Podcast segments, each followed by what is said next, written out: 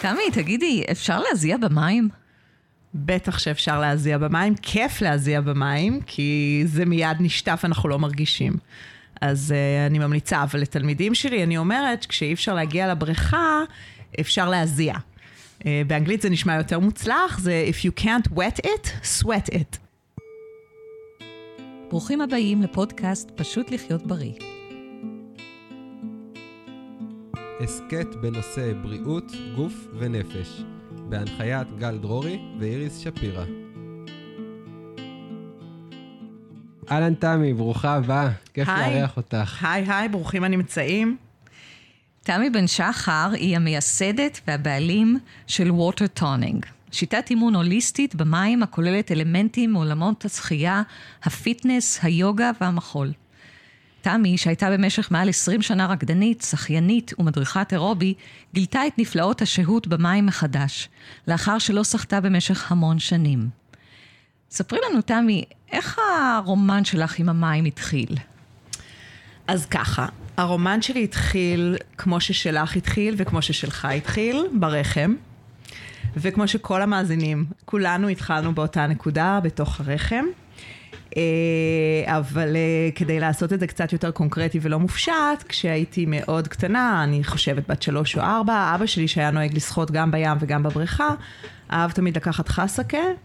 הוא לקח את החסקה והפלגנו ללב ים, והוא פשוט זרק אותי למים. והייתה לו שם איזושהי ודאות כזאת שאני אתמודד עם זה ושזה יהיה סבבה, ואכן כך קרה. אותו דבר קרה לי עם אימא שלי, שהיא ראתה שאני כזאת דג, אה, היא לקחה אותי למאמן שחייה, בגיל צעיר מהגיל שבדרך כלל אה, ילדים התחילו לשחות בו. גם הוא אמר לה, תקחי את הילדה חזרה הביתה, היא צעירה מדי, והיא אמרה, תן לה רק לקפוץ למים, בואו נראה מה יקרה. And the rest is history, כי כבר זהו, התקבלתי לאימון שחייה והתקבלתי לנבחרת, זה היה בכפר מכבייה. אה, זהו, ומשם זה המשיך לעוד כל מיני עניינים של אה, תנועה ופיטנס ומחול, אבל, אה, אבל המים בהחלט זה נקודת התחלה, כמו שאמרתי, של כולנו. לדעתי זאת גם נקודה שאנחנו מסיימים בה, אבל על זה, על זה עוד ניגע בהמשך. תמי טלס, פילוסוף יווני, ראשון הפילוסופים המערביים, טוען שהבסיס של הכל הוא מים. איך זה משתלב בעשייה שלך? אז ככה, אינטואיטיבית אני לגמרי מסכימה עם טלס, אני באיזושהי הוויה טוטאלית של מים כל הזמן. אין אובייקט בעולם או יצור חי או טבע שאין בו איזשהו אחוז של מים. המים באמת עוטפים אותנו עם היסוד של הכל. אנחנו צריכים לזכור שאנחנו עצמנו מלאים במים. יותר ממחצית הגוף שלנו עשוי מים. אנחנו כמובן זקוקים למים למחיה, אמ, זהו. תמי, אני מכירה עוד צד בך. את מעצבת פנים מאוד מוכשרת. את יצירתית, ובעצם, לפי מה שאנחנו שומעים כאן, שאת אישה רב-תחומית. את בהחלט מעוררת השראה. תודה רבה. רגע, לפני שאנחנו קופצים לעוד תחומים, אני רוצה לחזור למים.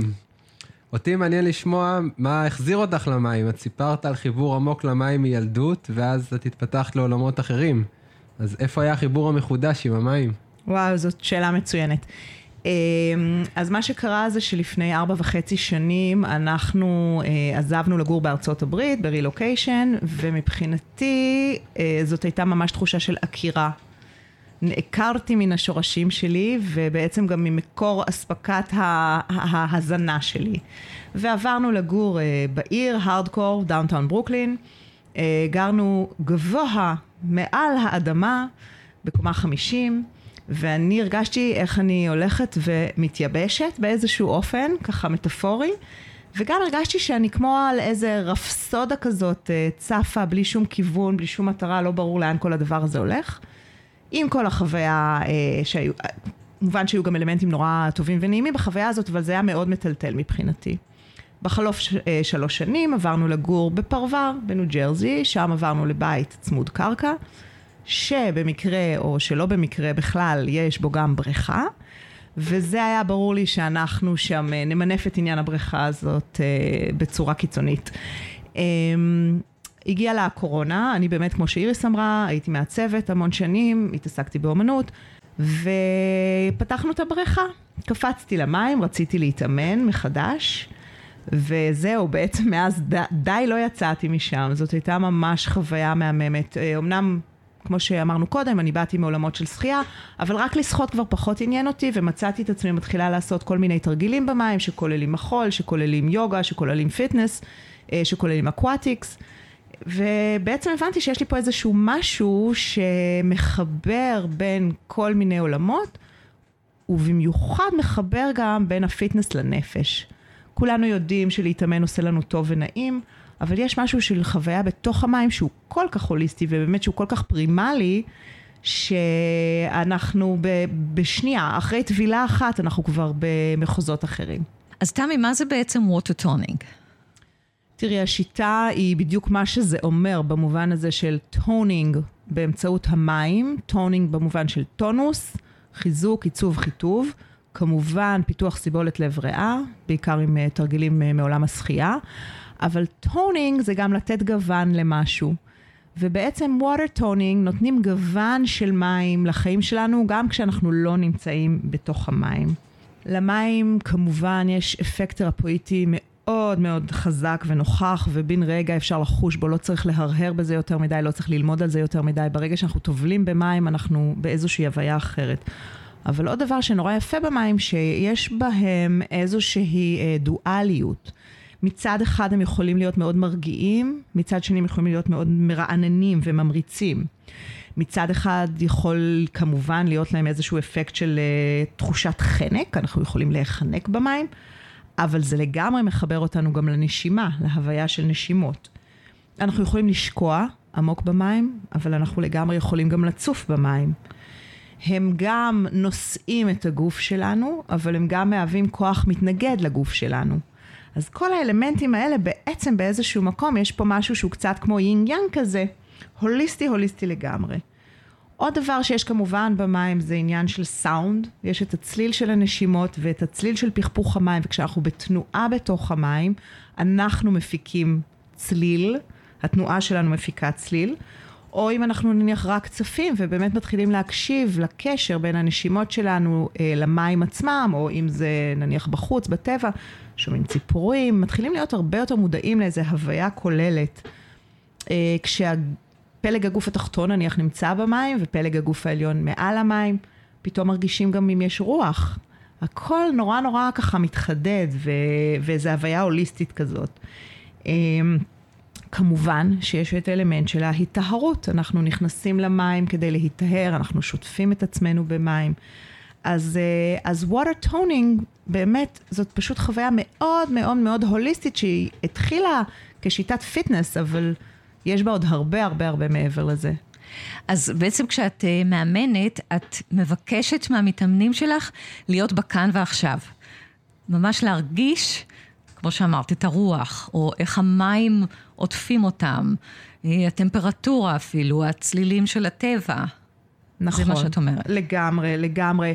עוד דבר נורא נחמד שגיליתי במים זה כשמתחילים להיות ככה מאוד מיינדפול uh, על מה קורה בכאן ובעכשיו ו-360 מעלות, הם גם פתאום uh, משתפים בחוויה שלהם בתוך המים. המון דיוניסיות, המון שמחה, זה מחזיר אותנו לילדות, אנחנו מסוגלים לבצע במים דברים שאנחנו לא בהכרח מסוגלים לבצע על הקרקע, אה, צלילות, גלגולים, קפיצות, whatever. אבל גם זה מציף ומעלה המון אמוציות שגם לא בהכרח היו משתחרר, משתחררות באיזושהי הוויה רגילה של fitness.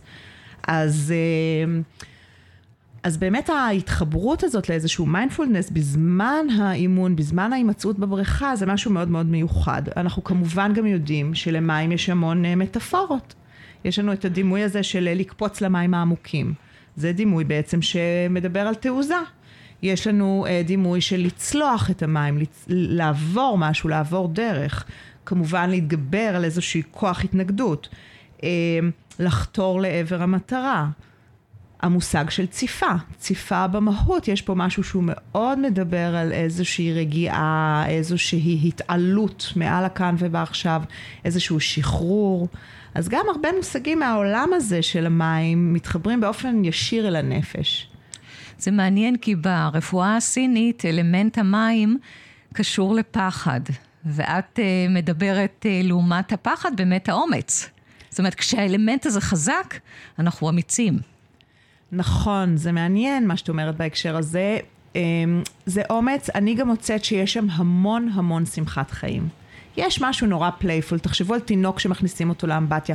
יש כאלה שבאמת לא סובלים את החוויה, זה נכון. אמ, אבל אני חושבת שרובנו מאוד מאוד מתענגים על החוויה של מים שעוטפים אותנו. ואז יוצא מאיתנו גם איזושהי ילדותיות כזאת, איזושהי שמחת חיים. אמ, את פעם אמרת לי בעניין היסודות, אה, שהמים מאזנים את היסוד של האש. כן, שזאת את, תמי. ככה את את אמרת. ממש יסוד של אש, שהיא מלאת שמחת חיים, אה, באמת אה, רצה קדימה עם רעיונות. והמים בשבילך הם מעין איזה איזון כזה, שלפעמים ככה לתת לך אה, דווקא לשקוע, לצוף, להירגע. וגם, אם כבר מדברים על אלמנטים, בשביל גם לתת לך את היציבות על האדמה. אוקיי? אהה. כי אנחנו מדברים על זה שכל אלמנט, אלמנט מזין את האלמנט הבא שלו. ברפואה הסינית יש איזה רצף של אלמנטים, זה מים, עץ, אש, אדמה, מתכת, אז כל אחד מזין את השני, כל אחד מבקר את השני, אז אצלך יש איזה... בזה שנכנסת למים, שחזרת למים ואת מרגישה שזה הייעוד שלך, אני חושבת שזה אה, בהחלט משהו שמאזן אותך. אני מסכימה איתך לגמרי, לגמרי. זה גם מאזן אותי וזה גם אה, נותן לי המון כוח, אבל כוח שהוא לא כוח מתפזר. בדיוק. כן, זאת באמת החוויה. אנחנו צריכים... כן. מה את עושה בעצם עם אנשים שפוחדים באמת אה, מהמים? זאת אומרת, שפוחדים להכניס את הראש למים. מה את עושה? נכון, אז קודם כל, מים מכילים, והאימון של ה Water Toning הוא אימון של מכיל. המסר אולי כמעט הכי חשוב, שבתוך המים אנחנו יכולים להיות הכל, ומותר להיות בהוויה גם של הדברים שהם לכאורה אה, אולי מכשילים אותנו, אה, וגם אפשר להשתחרר מהם לאט לאט. אנחנו לא נכנסים למים עם אג'נדה. אנחנו נכנסים למים בשביל להיות בהוויה ובחוויה. כמובן שיש גם ריינג' של פחד, אם את מזהה פחד שכבר גובל בחרדה עמוקה, אז צריך מאוד בעדינות ומאוד לאט לה, להתקדם לעבר, שהוא, לעבר איזשהו שחרור מהדבר הזה. צריך לזכור שגם המתאמנים לא נמצאים לבד במים, אני יכולה להיות לצידם, לשאת אותם, להחזיק אותם. בעיקר אני מגלה באמת שיש עניין עם צלילה, עם להכניס את הראש למים. אני מוכרחה לגעת כאן בנושא של הגוף הנשי. נשים מלאות ביקורת על הגוף של עצמן, באמת, רובן. אה, ואני מגלה שבהדרגה, עם האימון, משתחררים גם מזה, אף אחד לא רואה, הכל סבבה, אנחנו בתוך המים, לא רלוונטי אם הבגד ים יושב ככה או אחרת, אם האיפור נראה ככה או אחרת, אם הפן יתקלקל או לא יתקלקל, לא רלוונטי, וגם באיזשהו מקום, הדבר הזה נורא משחרר. תכף אני אגע גם אה, בהיבטים גבריים של המים, אבל אה, בעצם יש משהו שהוא מאוד מאוד בזרימה אה, של נשיות בתוך המים. עם זאת, כמו שאמרתי, כולנו התחלנו במים, אז אני מזהה שגם גברים נורא נהנים, כי פתאום זה גם מקום שאתה לא צריך להוכיח חוזק, אתה לא, אתה לא, אתה לא בתוך המים כדי לצוד משהו. אלא אם כן אתה כריש. אבל uh, יש שם משהו שהוא באמת אפילו, אולי עכשיו שאנחנו מדברים, אני חושבת, אולי אפילו כן מבטל את עניין הג'נדריות, ו- ומאפשר איזה הוויה של בן אדם עם הטבע באופן מוחלט וטוטאלי. עוד דבר שנורא חשוב שנדבר עליו זה שהמים הם לא רק חיצוניים לנו, כמו שציינתי בהתחלה, הם בתוכנו. אז יש תנועת מים מבחוץ ויש גם תמיד תנועה של מים בתוכנו. אם המים מהווים אה, מעל 60 אחוז בתוך הגוף שלנו, ונתונים נורא מעניינים שאני תמיד נורא אוהבת להסתכל עליהם, אה, שלמשל הריאות שלנו הם 83 אחוז מים. זה סוג של שוק לחשוב שלמשל אפילו הריאות שלנו הם בערך 83 אחוז מים. הרי אחת האימות הגדולות שלנו זה שהריאות יתמלאו במים, אבל הן עצמן מים. אה, המוח שלנו כמובן יש בו מים, העור שלנו יש בו 64 אחוז מים, הכליות, השרירים, אז בעצם אנחנו כולנו מים, מבפנים ומבחוץ, אנחנו עטופים בזה כל הזמן.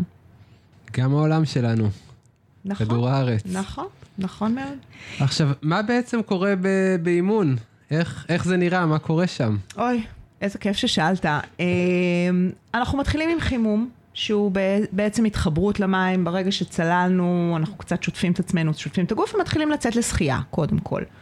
המתאמנים כן נדרשים לדעת את סגנונות השחייה, בין אם את כל ארבעת הסגנונות, או לפחות שלושה, חזה, חתירה וגב, אה, ויוצאים לשחות, מתחילים לשחות, זה החימום, מתחילים להניע את הגוף בתוך המים. אחר כך יש לנו קצת הגברה של, אה, של קצב הלב, סיבולת לב ריאה, אני נותנת כל מיני תרגילים, ובגדול, בגדול זה כמעט 20 דקות של אימון שחייה, עם אה, תנועות שחייה שהן חדשות, שהן לא מוכרות. ב Water Toning, כל עולם המושגים של, ה, של התרגילים זה לקוח מעולם המים. אז יש תרגיל שנקרא נניח שפירית נוחתת על המים, או צפרדע הולכת על קיר, או אה, עוגן וטבילה. זה הכל תרגילים מעול, שלקוחים, השמות לקוחים מהעולם הזה של המים. יש תרגיל בת הים הקטנה, תרגיל שנקרא רפסודה, ו... אז בבת הים הקטנה אני מדמיין שיש לי סנפיר? יפה. אז בת הים הקטנה למשל, זה תרגיל שמתורגת לשרירי הבטן, האלכסוניים בעיקר, אה, ואנחנו משתמשים ברגליים כמו סנפיר מצד לצד. אנחנו אה, שולחים אותם החוצה לצד הגוף, מכניסים אותם פנימה קרוב לחזה בכיפוף, ושולחים אותם הצידה לצד השני, ויש אה, חזרתיות. בעוגן וטבילה למשל, רגל, אנחנו משתמשים גם בדופן של הבריכה, גם באדמה. אה, אנחנו לא רק בתוך המים כל הזמן, אז אה, אנחנו משתמשים ברגל שעוגנת על דופן הבריכה כעוגן, היא היתד שלנו, ואנחנו טובלים את הרגל השנייה אה, עד כמה עמוק שאנחנו יכולים. כמובן שקשה אה, להסביר את זה פה, כי אני לא יכולה להדגים לכם את זה, אנחנו רק בסאונד, אבל אה, חשוב לציין גם שיש תרגילים שמתבצעים במים רדודים, יש תרגילים שמתבצעים במים עמוקים. אה, אפשר לבצע את התרגילים בבריכות פרטיות, אפשר לבצע את זה בבריכה ציבורית. בעצם מה שקרה, שה Water Toning עוזר לנו להרחיב את כל השהות בבריכה למנעד הרבה הרבה הרבה יותר רחב מאשר הדבר שאנחנו נכנסנו לשמור, או רוב האנשים נכנסים לבריכה אליו, זה או אם זאת בריכה נניח ביתית קטנה, אז סתם זה מין שכשוכית כזאת, וגם בשכשוכיות אפשר לעשות הרבה יותר. או רוב האנשים שהולכים לשחות, פשוט הולכים לשחות, הם עושים laps. כאילו הלוך וחזור, הלוך וחזור. אה, אז אפשר להשתמש בבריכה בהרבה הרבה יותר אופנים ממה שקורה היום. זה מתאים גם לילדים? זה מאוד מתאים גם לילדים. הנקודה היא שילדים עושים הרבה דברים אינטואיטיבית במים שאנחנו כבר הפסקנו לעשות. אז באמת אחד התרגילים אה, נקרא In and Out of the Water. אם אתם מתבוננים איך ילדים יוצאים מהבריכה זה non issue, הם פשוט קופצים החוצה, או פשוט קופצים פנימה. אה, מסתבר שלנו כמבוגרים זה הרבה יותר קשה לבצע. אנחנו קצת עולים, אנחנו לא בהכרח אפילו מצליחים לדחוף את עצמנו החוצה מהבריכה, וגם אם כן, לפעמים זה נראה קצת כמו לוויתן מסורבל כזה שמנסה לעלות אל החוף. אז גם זה, למשל, תרגיל שהוא לגמרי עובד על כל שרירי הגוף, של לצאת ולהיכנס למים. באופן אישי, אני מאוד נהנית לעבוד עם מבוגרים, לא, לא הגיל השלישי, אלא באמת בטווח גילאים שבין 20 אה, לנניח 60-70, זה נורא אינדיבידואלי. ותמי, אם בכל זאת מישהו מגיע והוא לא יודע את כל שלושת הסגנונות. זאת שאלה טובה. סגנון אחד בטוח צריך לדעת. ברור. אה, אבל מעבר לזה הכל נרכש. העניין, השימוש בשחייה, ואנחנו יודעים את זה, בגדול שחייה משתמשת יותר בפלג הגוף העליון. אז ברגע שאתה יודע לצוף במים ואתה לא שוקע, וברגע שאתה יודע להניע את הזרועות שלך באיזשהו אופן שמקדם אותך, אז אתה כבר, מה שנקרא, מפמפם שם את הלב, אה, התנועה מתחילה ואתה זורם. מכיוון ש... ב Water Toning אין אג'נדה של התקדמות, אנחנו כמובן יכולים להתקדם מצד אחד של הבריכה לצד השני, אבל הרעיון הוא תנועה, להיות בתנועה. אז סגנון אחד לפחות מוכרחים לדעת. אני לא מורה לשחייה ואני לא משקיעה זמן בשיעור כדי להסביר איך שוחים. אבל סגנון אחד מוכרחים לדעת. אה, יש, חשוב כן לציין שכדאי לנו להבדיל בין שני, בין שני צדדים נורא עיקריים. אם אנחנו צפים על הבטן, שוחים חזה או חתירה, או כמובן פרפר, שזה הסגנון הכי מאתגר ופחות אנשים יודעים לעשות אותו, לבין אם אנחנו שוחים על הגב. כשאנחנו שוחים על הגב, אנחנו נעזרים בשרירי הבטן הרבה יותר. כשאנחנו שוחים על הבטן, יש לאנשים איזושהי נטייה לפתח כאבי גב תחתון, מכיוון שמה שנקרא אה, הקשת של הגב, הגב התחתון, לא תמיד אנחנו יודעים להחזיק אותו, כי אנחנו לא חושבים על להחזיק את, את הגב באמצעות שרירי הבטן. בטן. אז גם במקום הזה צריך לחשוב על זה, צריך להיזהר שם אה, מפורענויות. אז אפרופו זה, בעצם Watertoning יכול גם לענות על בעיות אורתופדיות? לחלוטין. מה שכן חשוב לציין שבעניינים אורתופדיים, וזה קשור כמובן לעניינים של צפיפות העצם, הימצאות במים היא לא מאתגרת. אה, או מעודדת בנייה של העצם. מה שמעודד בנייה של עצם, שאנחנו עובדים בכוח התנגדות חזק, מאוד מאוד כבד. ובדיוק בגלל זה, אני שילבתי גם תרגילים שהם על הקרקע. כלומר, יש, אה, במובן הזה של נניח בניית עצם, צפיפות עצם, יש תרגילים בחוץ שיהיו יותר יעילים. במובן הזה של גמישות, כוח התנגדות של המים, למשל, אני אתן דוגמה, אה, ריצה, ריצה במים רדודים. אני היום כבר לא יכולה לרוץ בחוץ, כואב לי בברכיים, זה כואב לי באגן הירכיים, אבל בבריכה אני יכולה לרוץ המון, הלוך ושוב, וזה מכתב בצורה בלתי רגילה, זה מענג בצורה בלתי רגילה, וצריך לעשות הרבה פחות מזה. לא צריך לצאת לריצה של שעה. מספיק לרוץ שלוש דקות או עשר דקות, וכבר האפקט הוא הרבה יותר גדול ממה שאנחנו מקבלים בריצה על פני האדמה. והיא טובה לצפיפות עצם. בהחלט. ההתנגדות הזו.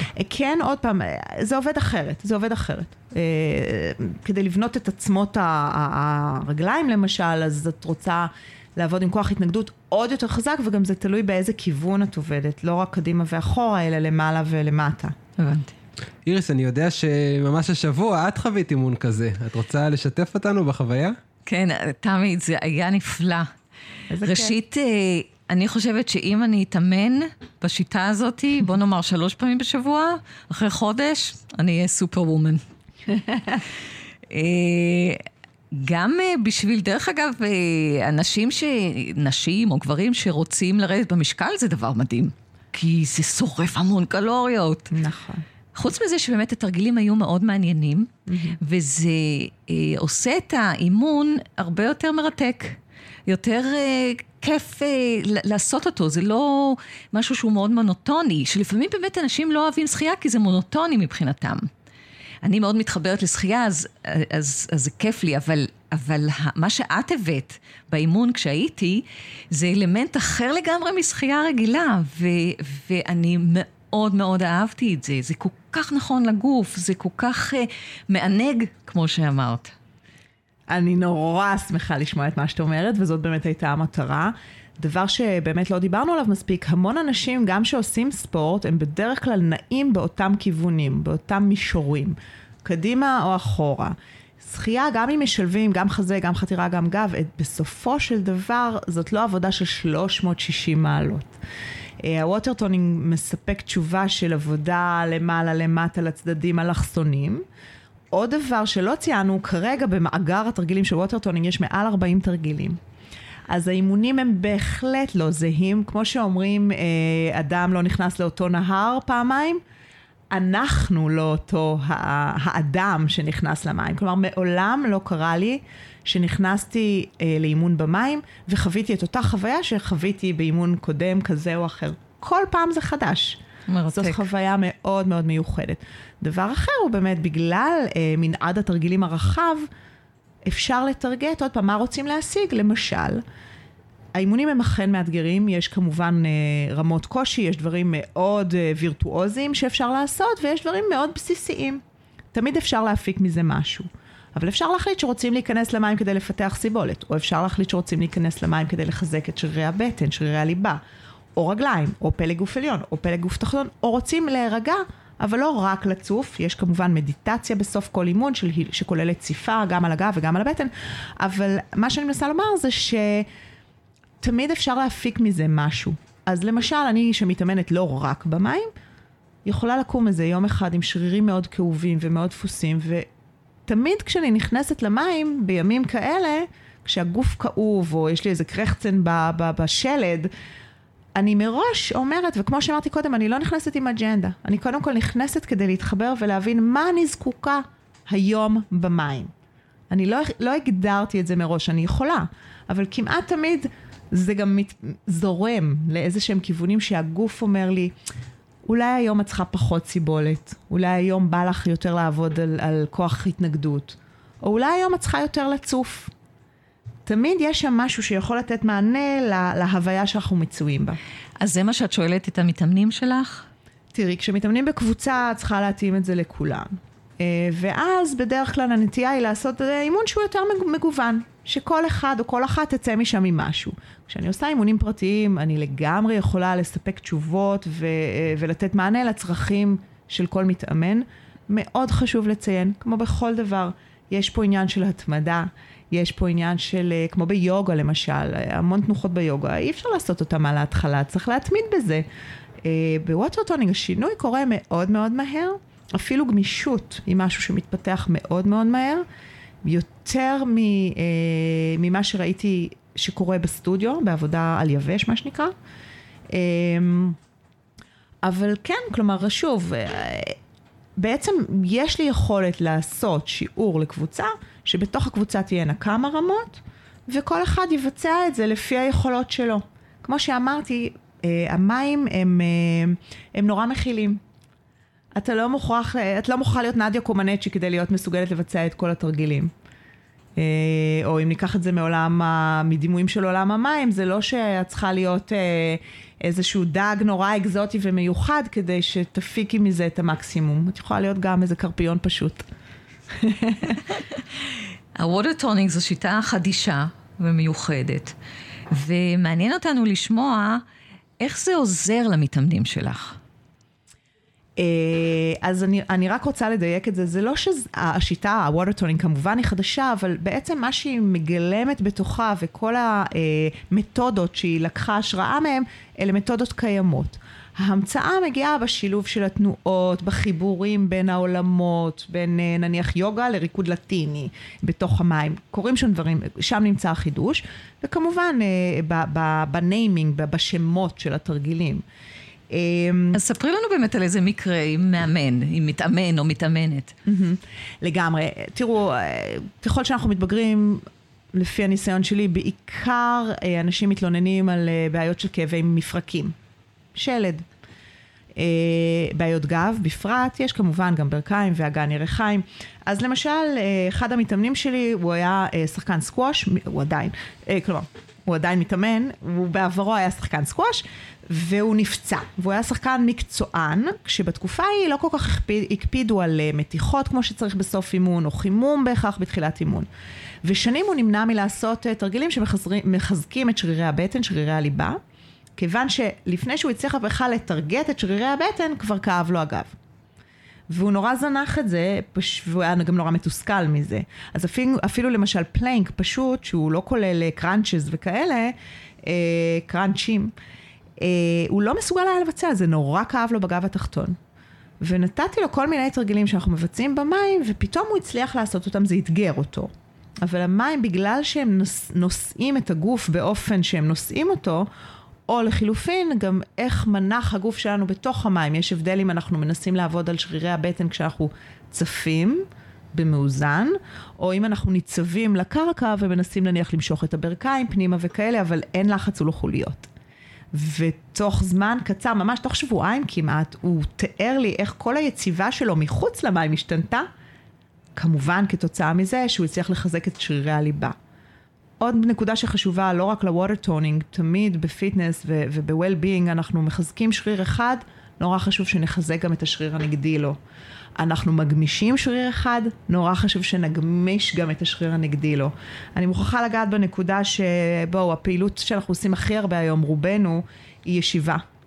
אה, הרבה יותר מדי שעות אנחנו יושבים, ובדרך כלל זה מול מחשב או עם הסמארטפון. אז מה שקורה שהעורף שלנו, חוליות הגב העליונות, תפסו איזשהו מין כיפוף קדימה כזה, וכמובן אה, כל הקטע של הגב התחתון, אה, אנשים מדווחים על הרבה יותר כאבי גב. בעצם כשנכנסים למים באופן אוטומטי יש שם משהו שמשתחרר כי אנחנו עובדים בצורה אינטואיטיבית כדי למנוע מעצמנו אה, שקיעה. אנחנו כבר מניעים את החוליות באיזושהי צורה אחרת, גם בלי אפילו לדעת שאנחנו בעצם מספקים עכשיו אה, סוג של אה, קיול מחדש לעמוד השדרה שלנו. אה, אני רוצה לגעת, ב, אני, אם יש לי עוד זמן, אני, אני רוצה לגעת אה, בנקודה של מתאמנת שנורא דיווחה על פחד. כלומר, השינוי או החוויה באמת היא לא רק אה, חיזוק של שרירים והתעסקות עם הטונוס, אלא גם הנפש.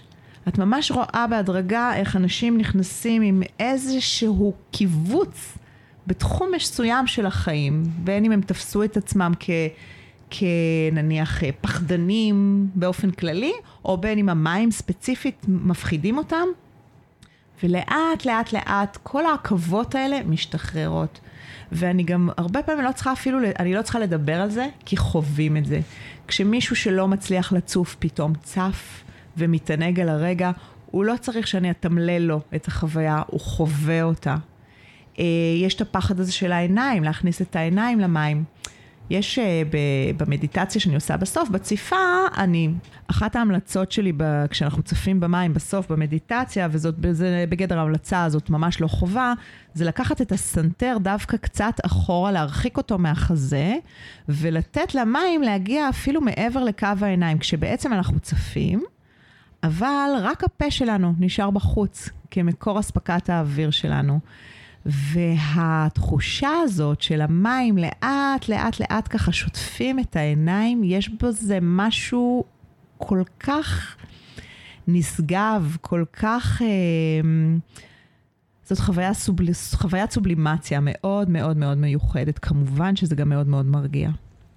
תמי, נשמע גם שבאימון את עובדת על שיווי משקל, שזה דבר, זה אלמנט שהוא מאוד חשוב ב... בהתבגרות. ובהזדקנות? Uh, בהחלט. בואי נחזור בעצם למהות של המים. המים הם לא סטטיים. אז בעצם כשאת מדברת על שיווי משקל, זה שיווי משקל אחר ממה שאנחנו מדברים על שיווי משקל על פני האדמה. אני אתן לך דוגמה, למשל uh, בתנוחת uh, הטרי, העץ, ביוגה, אנחנו עומדים על רגל אחת, מניחים את הרגל השנייה מכופפת, ואנחנו רוצים לנסות לא ליפול. במים אנחנו לא נופלים, כלומר, אנחנו יכולים לקפוץ או, או כאילו למעוד, אבל אין נפילה. אנחנו תמיד נצוף. אמ, אז שיווי המשקל במים הוא, הוא נתפס אחרת, יותר במובן של באמת שקיעה אל מול ציפה. וגם כשאת עושה מתיחות בתוך המים, או חצי גוף במים וחצי גוף אה, בחוץ, פלג גוף תחתון במים, פלג גוף עליון אה, בחוץ, תמיד יש ויברציה. עכשיו, האמת שגם כשאנחנו עושים את אה, הניסיונות האלה לאזן את עצמנו, או לעבוד על שיווי משקל בעולם, בחוץ, על האדמה, גם יש ויברציות, אנחנו לא מודעים לזה כמו שאנחנו מודעים לזה בתוך המים. ולכן, גם כאן יש איזו עבודה נורא יפה על השריר, כי, כי בעצם השריר מגיב גם כשלא עשית איזה משהו אקטיבי, כי כל הזמן יש סביבך ויברציות. ובעצם מה שאת מנסה לעשות בתוך המים זה לאזן את הוויברציות של המים. עם הוויברציות של הגוף. ועל ידי חיזוק הקור. נכון, זה יכול להיות הקור, זה, זה הרבה הקור, זה בעיקר הקור וכמובן גם שרירי גב. אמ, אבל נניח אם את מבצעת איזושהי מתיחה שאני עושה בסוף אימון, שהיא על רגל אחת, אז הכל מתגייס, גם הירך הפנימית והעכוז וה, והארבע ראשי, כלומר, כל הרגל עובדת. יש פה עניין עם הידיים, אנחנו יכולים לאחוז בדופן של הבריכה ולנסות להחזיק את עצמנו. אבל גם זה נורא יפה לראות איך פתאום מרגישים קצת ביטחון, או אנשים אפילו מעצמם מנסים פתאום לשחרר את היד מהדופן של הבריכה ולנסות לייצב את עצמם במים. זה בוודאות uh, הקור והגב עוזרים לנו להתאזן שם, אבל גם, המים הרבה פעמים מכריעים, וטוב שכך. אין לנו סיכוי uh, באופן מוחלט להתגבר על המים. ללמוד לשחרר. בדיוק, בדיוק. תמי, יש לך אולי טיפ שאפשר ליישם, שכל אחד יכול ליישם אותו במים? אה, האם יש לי טיפ? יש לי המון. פעם הבאה שאני בבריכה ויש לי כמה רגעים לעצמי. מה אני, אני יכול חושבת, לעשות? אני חושבת שיותר מהכל זה באמת אה, לקחת כמה טבילות כאלה מאוד רציניות במים, אה, לשקוע פנימה ולצאת החוצה, לשקוע פנימה ולצאת החוצה ברפט, ברפטיציה כמה פעמים שאתה רוצה, ולהתחבר לנשימה. עוד דבר זה ממש לנסות או לחשוב איך אתה מתחבר למגע של המים עם הגוף. מה קרה כשכף הרגל טבלה, איפה זה פגש אותך באזור החלציים או האגן, כשהבטן, הרבה פעמים את הבטן, כשקר, נורא קשה לאנשים להכניס, כאילו, יש שם משהו שמאוד קשור, ל... זה מאוד סנסואלי. אה, ואז נניח מתגברים על זה ונכנסים פנימה ואיך המים נוגעים בחזה, איך הם נוגעים לנו בצוואר כשאנחנו משקיעים את כל הגוף שלנו פנימה. מה קורה באמת כשאנחנו פתאום מוכרחים לעצור את הנשימה באיזשהו אופן כדי לא, לא להיחנק. אז הטיפ העיקרי הוא באמת להיות, להיות במודעות הזאת, ואני חושבת שהטבילה והיציאה מהמים, גם יש בהם את העניין הזה של ההיטהרות וההתנקות, למשל אנחנו יודעים שאנחנו טובלים במקווה, זה מה שדורשים מאיתנו לעשות. ישר הדימוי שעלה לי, שבן אדם נכנס למקווה, אז נכון, הוא נכנס נכון. ויוצא. נכון, לגמרי, לגמרי. אה, אז זהו, זה, זה, כי אני חושבת שאתה גם מבצע פה איזושהי פעולה פיזית, כמובן, של אה, לטבול ולהתרומם, אבל אם אתה... כל מה שנדרש ממך זה טיפה למודעות, ואתה גם נורא מתחבר לנפש ולה, ולהוויה. עם התרגיל הזה, את יכולה להמריץ את מערכת הלימפה. זה תרגיל מאוד טוב. אני מסכימה איתך, תספרי לי על זה. אה, ממליצים למשל כשקופצים על אה, טרמפולינה. Mm. אה, זה ממריץ את מערכת הלימפה, זה, זה, זה ממריץ את, את, את הנוזלים. אז אני חושבת Mm. גם במים, כשאת עושה את התרגיל הספציפי הזה של לש, לקפוץ למטה ולקפוץ למעלה וחזרה למטה, זה בהחלט עושה את זה. זאת נקודה מצוינת שאת מעלה, ואני אני לא ידעתי את זה על הלימפה, אבל זה מזכיר לי לציין עוד איזו נקודה שחשובה, וזה העניין של ריתמוס, קצב. אז uh, בעניין הזה של הטבילה, אפשר לטבול לאט. ואפשר לטבול מהר, כלומר אפשר באמת לפרש את זה כמו שאת לקחת את זה למין קפיצות פנימה והחוצה כאלה. Uh, אני דווקא חשבתי על משהו שהוא יותר איטי, ואז גם איזושהי בחירה, כמה זמן אנחנו רוצים לשהות מתחת למים, כמו להתיישב נניח על הקרקעית של המים, במים רדודים, וכמה זמן אנחנו רוצים להיות מעל כדי לקחת את הנשימה הזאת. אני יכולה להגיד לך בצורה הכי פשטנית, באימוני שחייה למשל, לגמרי חלק מהאימונים זה להחזיק בדופן ולעשות פשוט אה, נשימות, נשיפה פנימה כשצוללים למים, ושאיפה כשעולים ועושים אפילו 30 רפטיציות, רפטיציות, חזר, חזרות על הדבר הזה. אה, מה שכן חשוב זה להיזהר שלא לחטוף סחרחורת. כלומר, לא להגזים עם הנשימה. כן, יש לך איזה תרגיל שנקרא Flipper שעשיתי באימון, שהייתה לי סחרחורת, אבל זה תרגיל מדהים, שמחליפים אה, גב ו- וחזה ב- במהירות כזו. נכון, גב וחתירה. זה באמת, שוב, נורא נוגע בנקודה הזאת של ה playfulness, של משחקיות. אז uh, הפליפר הוא הגרסה המעודנת של הטורפדו, כשבטורפדו אנחנו מחליפות כל תנועה uh, כיוון, בטן, גב, בטן, גב, בטן, גב, כשהזרועות ממשיכות לחתור. בפליפר זה כל, uh, כל שלוש תנועות, ואחר כך הופכים את זה, נורא חשוב לעבוד מאוזן, גם בימין וגם בשמאל. אבל בהחלט, עוד משהו שחשבתי, אפרופו, אנשים מציינים, יואו יואו, זה עושה לי סחרחורת, ואחת התשובות שלי היא, אז מה? למה עלינו על הקרוסלה כשהיינו קטנים? כי נהנינו מחוויית הסחרחורת. ככל שאנחנו מתבגרים והפחדים שלנו מתגברים עלינו, אנחנו באימה מהחוויה של הסחרור. עכשיו, שוב, ברור שאנחנו מדברים פה על מידתיות. אנחנו לא מחפשים uh, להיכנס לסחרור שגורם לנו לאבד את ההכרה, או, או להיות באיזה שהם פחדים נורא קיצוניים. אבל אני למשל היום על קרוסלה ממש לא יכולה לעלות. וגיליתי איזה כיף, איזה חדווה במים, שאני יכולה קצת להסתחרר לי בכיף, וכשזה מספיק לי, אני עוצרת ואני שוחה רגיל. וה, והסחרור הזה נפסק. אז גם המושגים האלה, אה, אפשר לקחת אותם מחוץ למים ולהגיד, אז מה, אז הסתחררנו קצת, או אז מה, אז כאב לנו קצת, או אז מה, אז היה לנו רגע של אימה. זאת חוויה של זרימה. האימה היא כאן, אבל היא כנראה תחלוף, אם נאפשר לה. אצל ילדים אפשר לראות את החקר הזה, הבן שלי בדיוק מדי פעם מתחיל לשחק עם המקום הזה של פשוט להסתובב ולהיות רגע בסחרחורת, והוא הוא נהנה מה, מהחקר והמשחק הזה. זאת בדיוק הנקודה, אנחנו מאבדים הרבה מהדברים האלה, ככל שאנחנו מתבג- מתבגרים, ומשהו בחוויה של המים ועבודה עם המים, בתוך המים, מאוד מאפשרת, שוב, בלי הרבה מלל, פשוט מרגישים את זה. שחרור. מהמם, לחזור להיות ילדים. באיזשהו אופן. בכל פרק אנחנו שואלים את המרואיינים מה בשגרת היום-יום שלהם מרגיש שפשוט לחיות בריא. אז תשתפי אותנו בתובנות שלך. וואו, אה, אז ככה, אני לא בטוחה שפשוט לחיות בריא, אני חושבת שאם זה היה כל כך פשוט, הרבה יותר אנשים היו הרבה יותר בריאים.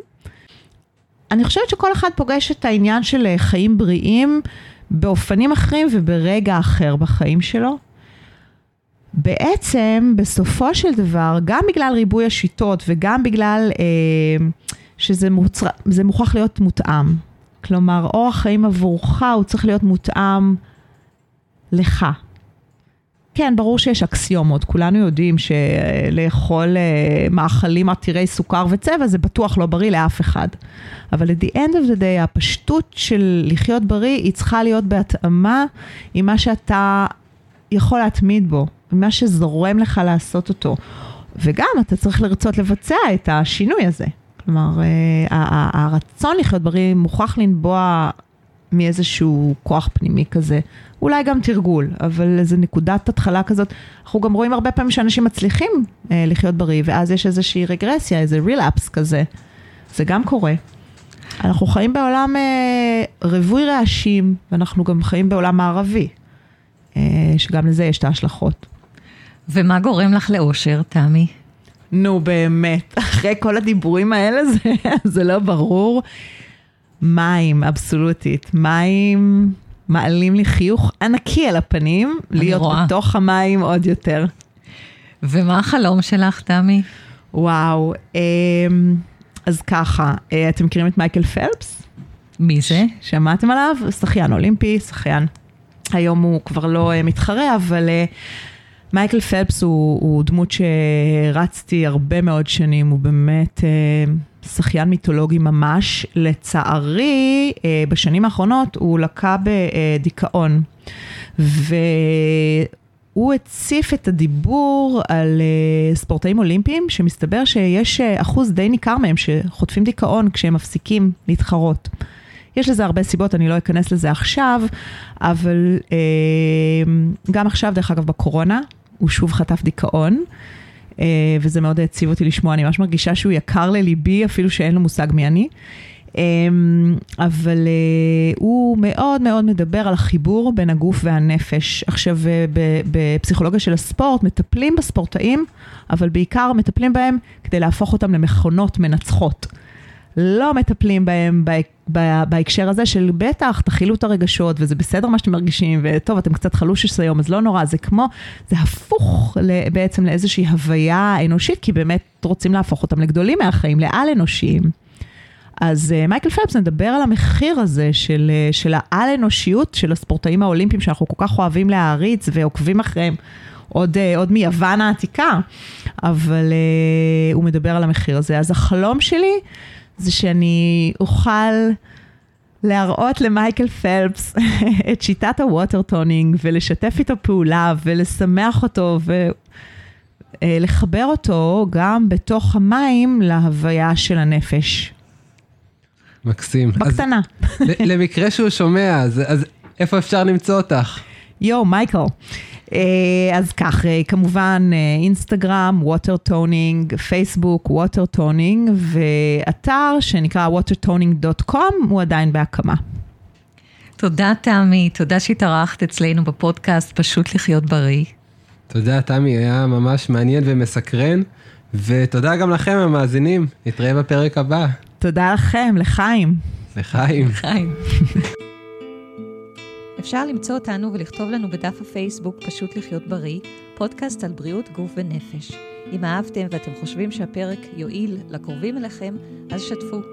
זה יעזור להם ויעודד אותנו להמשיך ליצור תכנים מעניינים שיסייעו לכולנו פשוט לחיות בריא. נתראה בפרק הבא. הבא.